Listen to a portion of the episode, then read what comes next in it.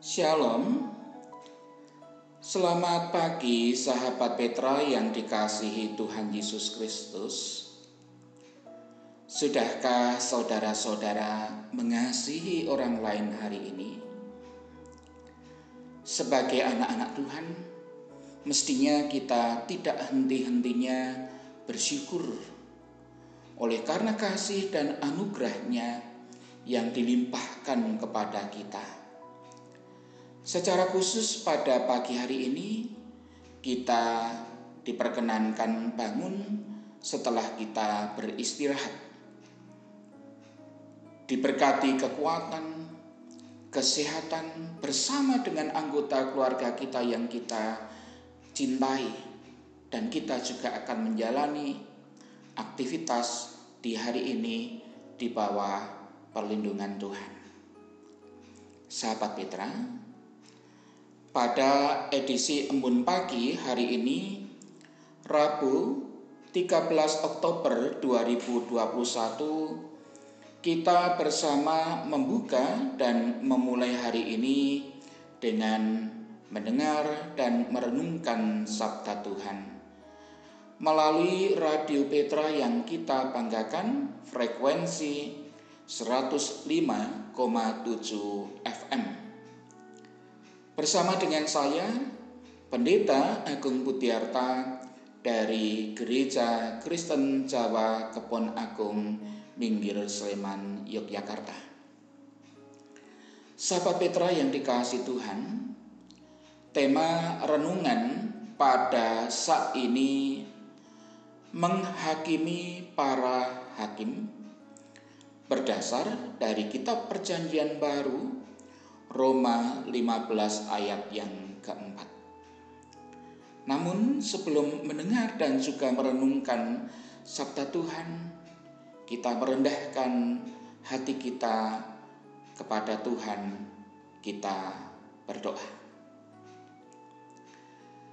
Bapa kami yang maha kasih, yang maha murah, yang maha kudus, dengan kerendahan hati kami mengucap syukur karena Engkau telah memberkati pagi ini penuh dengan sukacita dan juga kebahagiaan. Terima kasih ya Papa, Engkau sudah memberi bagi kami tidur yang nyenyak, udara pagi yang sejuk, dan suasana damai bersama juga dengan anggota keluarga kami. Kami sungguh bersyukur atas berkat pemberianmu yang maha baik. Bapa, saat ini kami akan menyambutmu dengan mendengar dan merenungkan sebagian dari firmanmu. Bukalah hati dan pikiran kami, supaya kami dapat mendengar dan menempatkan setiap butir dari sabdamu, agar meresap di dalam relung hati kami, sehingga melaluinya kami dapat mengarahkan langkah kehidupan kami ini di bawah terang sabdamu.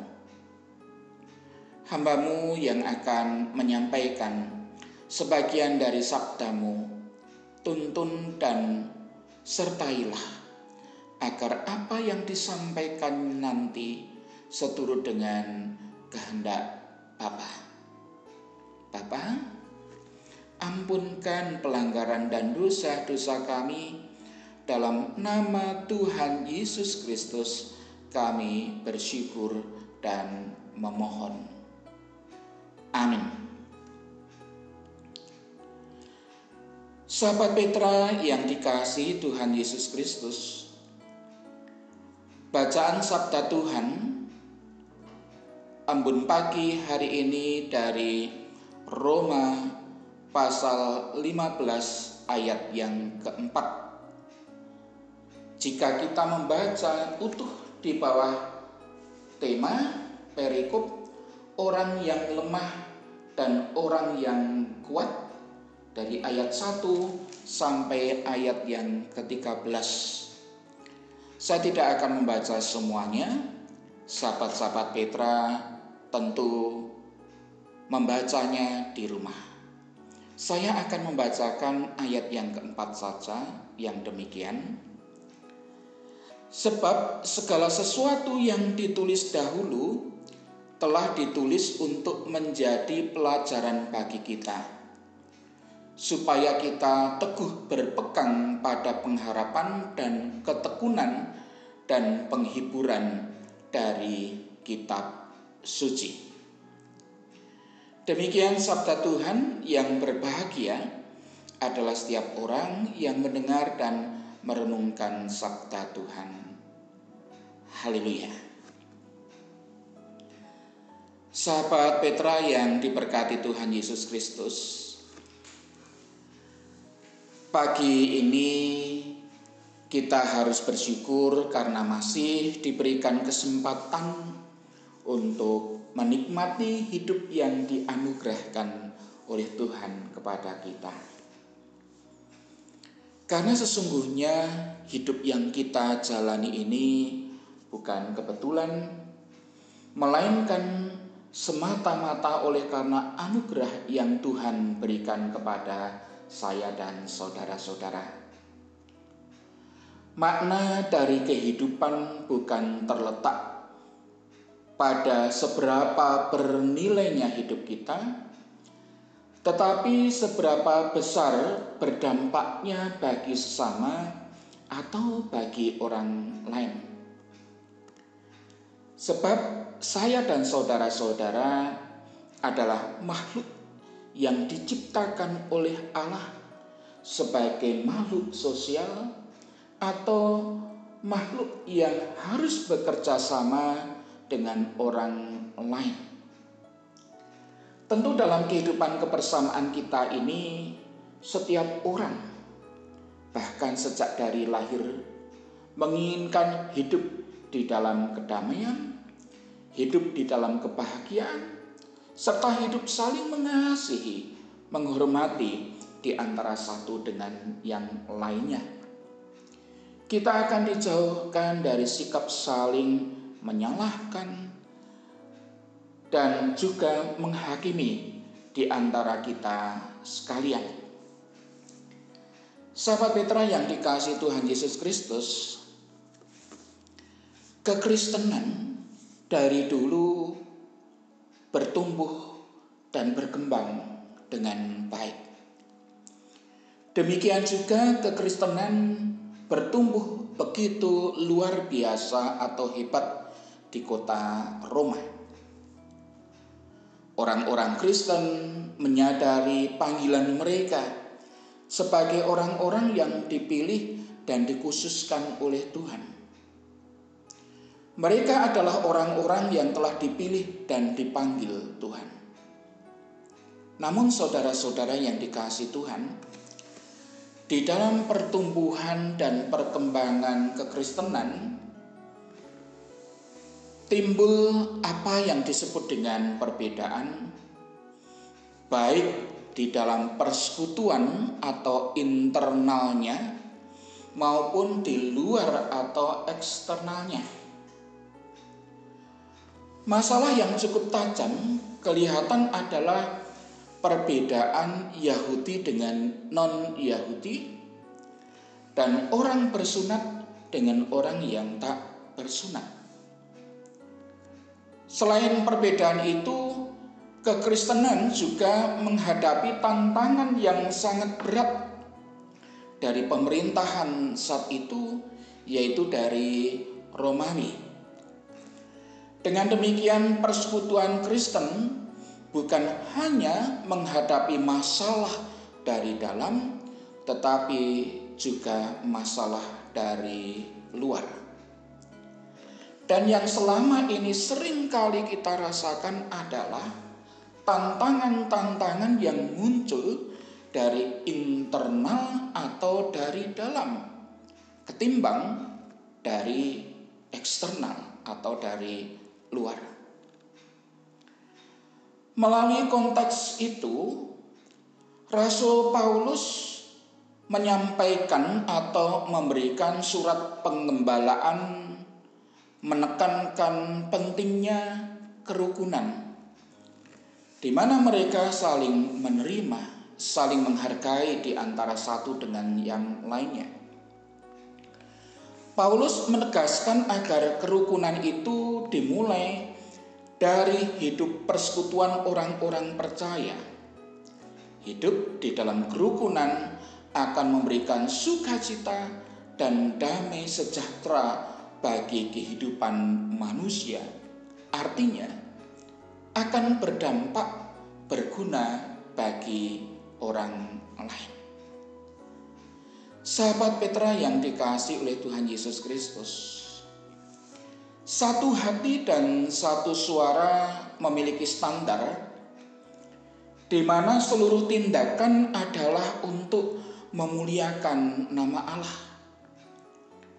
Karena itu, yang mendasar dalam memuliakan nama Tuhan adalah di mana setiap orang itu boleh saling menerima Kristus telah melakukan itu dengan menerima setiap orang. Bahkan sekalipun orang itu adalah orang yang tidak layak, orang yang berdosa. Kristus mengampuni setiap orang yang berkenan datang kepadanya yang menjadi kemuliaan bagi nama Tuhan. Semuanya kemudian diikat menjadi satu di dalam penebusan Kristus. Tidak ada lagi orang yang bersunat dan tak bersunat, yang kuat dan lemah, tetapi semua bersatu dalam memuliakan nama Tuhan. Sahabat Petra yang dikasih Tuhan, setiap orang itu pas pasti memiliki kelemahan dan setiap orang itu pasti memiliki kekurangan. Tetapi hendaklah setiap orang itu saling menerima. Kalau dalam pemahaman orang Jawa dikatakan seperti daun sirih. Daun sirih itu dalam pemahaman orang Jawa mengatakan demikian. Yang sinawang beda rupani nanging menawa digeget tunggal rasani. Jika saudara-saudara perhatikan daun sirih, permukaan dan juga sebaliknya itu memiliki rupa yang berbeda. Tetapi yang namanya daun sirih jika kemudian digeget artinya dimakan itu akan satu rasanya. Artinya dalam hal ini orang itu akan disatukan dalam karya Tuhan Yesus Kristus. Orang yang belum dapat menerima orang lain berarti orang itu belum mengimani tentang kematian Kristus sebagai penebusan akan dosanya. Kesatuan di dalam persekutuan Tuhan bukan berdasarkan apa yang disebut dengan demokrasi, tetapi saling menerima. Itulah satu hati dan satu suara di dalam memuliakan nama Tuhan. Sahabat Petra yang dikasih Tuhan, kesatuan dalam Kristus akan menjadi teladan terhadap sekitarnya Keteladanan itu akan membuat bangsa atau orang lain untuk memuliakan nama Tuhan. Adalah tugas bagi saya dan bagi saudara-saudara untuk membawa orang itu memuji dan memuliakan nama Tuhan. Bukan hanya manusia yang telah bergabung dalam komunitas Kristus, tetapi hendaklah setiap orang itu memuji dan memuliakan nama Tuhan. Sikap menjadi sebuah teladan yang tepat untuk menyatakan kabar sukacita atau kabar baik itu bagi orang lain. Kita tahu bahwa di dalam kehidupan jemaat ada yang kuat dan juga ada yang lemah, baik dalam hal iman maupun dalam kehidupan sehari-hari. Kita memang berbeda-beda, dan karena itu kita harus saling menerima, saling menolong, dan saling menghargai. Berkat keselamatan dan pengharapan itu diberikan Tuhan kepada semua, baik yang kuat maupun yang lemah. Karena tidak boleh saling mengklaim tanda kutip bahwa berkat ini, berkat itu, dan seterusnya hanyalah untuk diri kita sendiri. Kita harus memiliki kesadaran bahwa kita itu telah diterima apa adanya oleh Tuhan. Orang lain pun diterima juga oleh Tuhan. Kita diselamatkan dan ditopang atau dikuatkan dan dihiburkan oleh Tuhan. Orang lain pun juga demikian. Jadi, menurut saya, kalau kita mau kehidupan kita itu bertahan dalam situasi apa pun, maka marilah kita itu saling menerima dan saling mendukung dan mari kita juga saling bergandengan tangan untuk menghadapi setiap tantangan dan juga ancaman bersama. Mari kita kokohkan persekutuan kita bersama, maka pengharapan kita di dalam Tuhan itu pasti tidak akan sia-sia.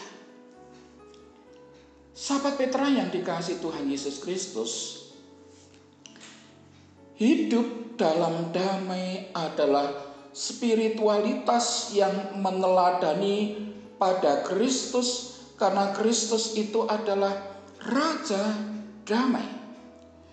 Dia yang telah memperdamaikan kita dengan Allah sehingga kita memperoleh pengharapan yang kekal Yesus memerintahkan kepada kita, kasihilah sesamamu manusia seperti pada dirimu sendiri.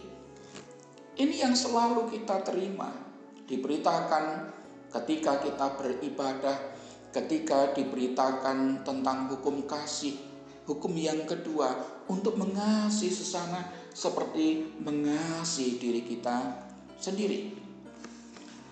Kerukunan adalah situasi harmonis di berbagai keadaan. Ada yang baik, baik itu juga suku, ras, agama, serta budaya. Kerukunan bukan saja suatu kondisi yang sangat kita dambakan, namun juga merupakan kehendak Tuhan. Kerukunan tidak akan pernah dapat diperjuangkan hanya dengan kekuatan kita sendiri perlu kehadiran Allah karena Allah adalah sumber ketekunan dan penghiburan untuk menciptakan dan memelihara kerukunan di dalam Kristus itu adalah mutlak. Kerukunan di antara umat Tuhan tidak dapat tercipta hanya di dalam semalam. Kerukunan bukan hasil instan. Kerukunan umat Tuhan perlu dibina dengan tekun dan konsisten. Kerukunan juga pasti akan melibatkan proses penyesuaian menerima satu dengan yang lain di dalam Kristus. Sahabat Petra, gesekan pasti akan terjadi karena memang masing-masing dipertajam sesuai dengan posisinya di dalam tubuh Kristus. Sebab yang sangat diperlukan penghiburan Allah di sepanjang kita berproses. Inilah yang diajarkan oleh Tuhan kepada kita agar dalam kehidupan kita itu menjaga kebersamaan dan dijauhkan dari sikap saling menyalahkan atau menghakimi kepada orang lain. Tidak perlu diajari atau menempuh pendidikan formal bagi seseorang untuk melihat kelemahan, kekurangan, atau kesalahan orang lain. Semua orang mudah sekali melihat dosa, kesalahan dan kekurangan orang lain, sekalipun itu kecil sekali. Sebaliknya, kekurangan, kelemahan, atau kesalahan yang ada di dalam sendiri, sekalipun besar, itu tak mudah untuk dilihat, apalagi kemudian diakui. Mengapakah engkau melihat selumbar di mata saudaramu, sedangkan balok di matamu tidak engkau ketahui. Matius 7 ayat yang ketiga. Memang sangat mudah untuk mencari kesalahan orang lain. Di sini dibutuhkan sikap menahan diri untuk tidak kemudian menjelek-jelekkan atau mengumbar kekurangan aib orang lain atau saudara kita. Semakin dewasa dalam iman, kiranya dapat menjadi seorang yang baik. Artinya, kita mampu untuk menjadi konselor yang baik dan hanya berdoa kepada Bapa memohon agar orang atau saudara kita yang salah diingatkan dan kemudian dipulihkan oleh Tuhan. Sahabat Petra yang dikasih Tuhan, jika ada saudara kita yang lemah dan jatuh, ini adalah kesempatan bagi kita untuk menunjukkan kasih, memperhatikan, menolong dan menguatkan dia Jangan malah kita menjadi hakim-hakim untuk menghakimi orang lain. Tetapi kita menjadi sahabat yang baik untuk menolong. Memperkuat persekutuan kebersamaan sebagai umat Tuhan. Amin. Mari kita berdoa kembali. Bapa kami yang maha kasih, maha murah, Allah yang perkasa. Kami sungguh bersyukur kepadamu karena melalui firmanmu itu kami diajarkan dalam kehidupan kebersamaan ini supaya tidak menghakimi orang lain. Kami disatukan oleh kasihmu kami telah dipertemukan di dalam anugerah Yesus Kristus melalui pengorbanannya. Dari situ kami dapat belajar bahwa Allah di dalam Yesus Kristus tidak membedakan antara satu dengan yang lainnya. Mengasihi setiap anak-anakmu, bahkan yang berdosa sekalipun. Oleh karena itu ya Bapak, di dalam firman-Mu itu kami disemangati dan diteguhkan kembali untuk tetap menjaga kebersamaan dan kebersatuan hati kami sebagai umat milik Tuhan. Dijauhkan untuk menghakimi orang lain di dalam kehidupan kami, tetapi menjaga relasional kami dengan sesama agar di dalamnya ya Tuhan kami dapat merasakan damai sejahtera ilahi di dalam kehidupan kami setiap saat. Bapa, saat ini kami akan melalui hari ini dengan terang firman-Mu itu. Baik itu mewarnai dalam kehidupan keluarga kami, dengan saudara-saudara kami, dengan tetangga-tetangga kami, Ketika Tuhan menempatkan kami di mana pun kami tinggal dan berada, bahkan juga di dalam pekerjaan kami, dalam kehidupan berjemaat, dan juga di dalam kehidupan kami berbangsa dan bernegara.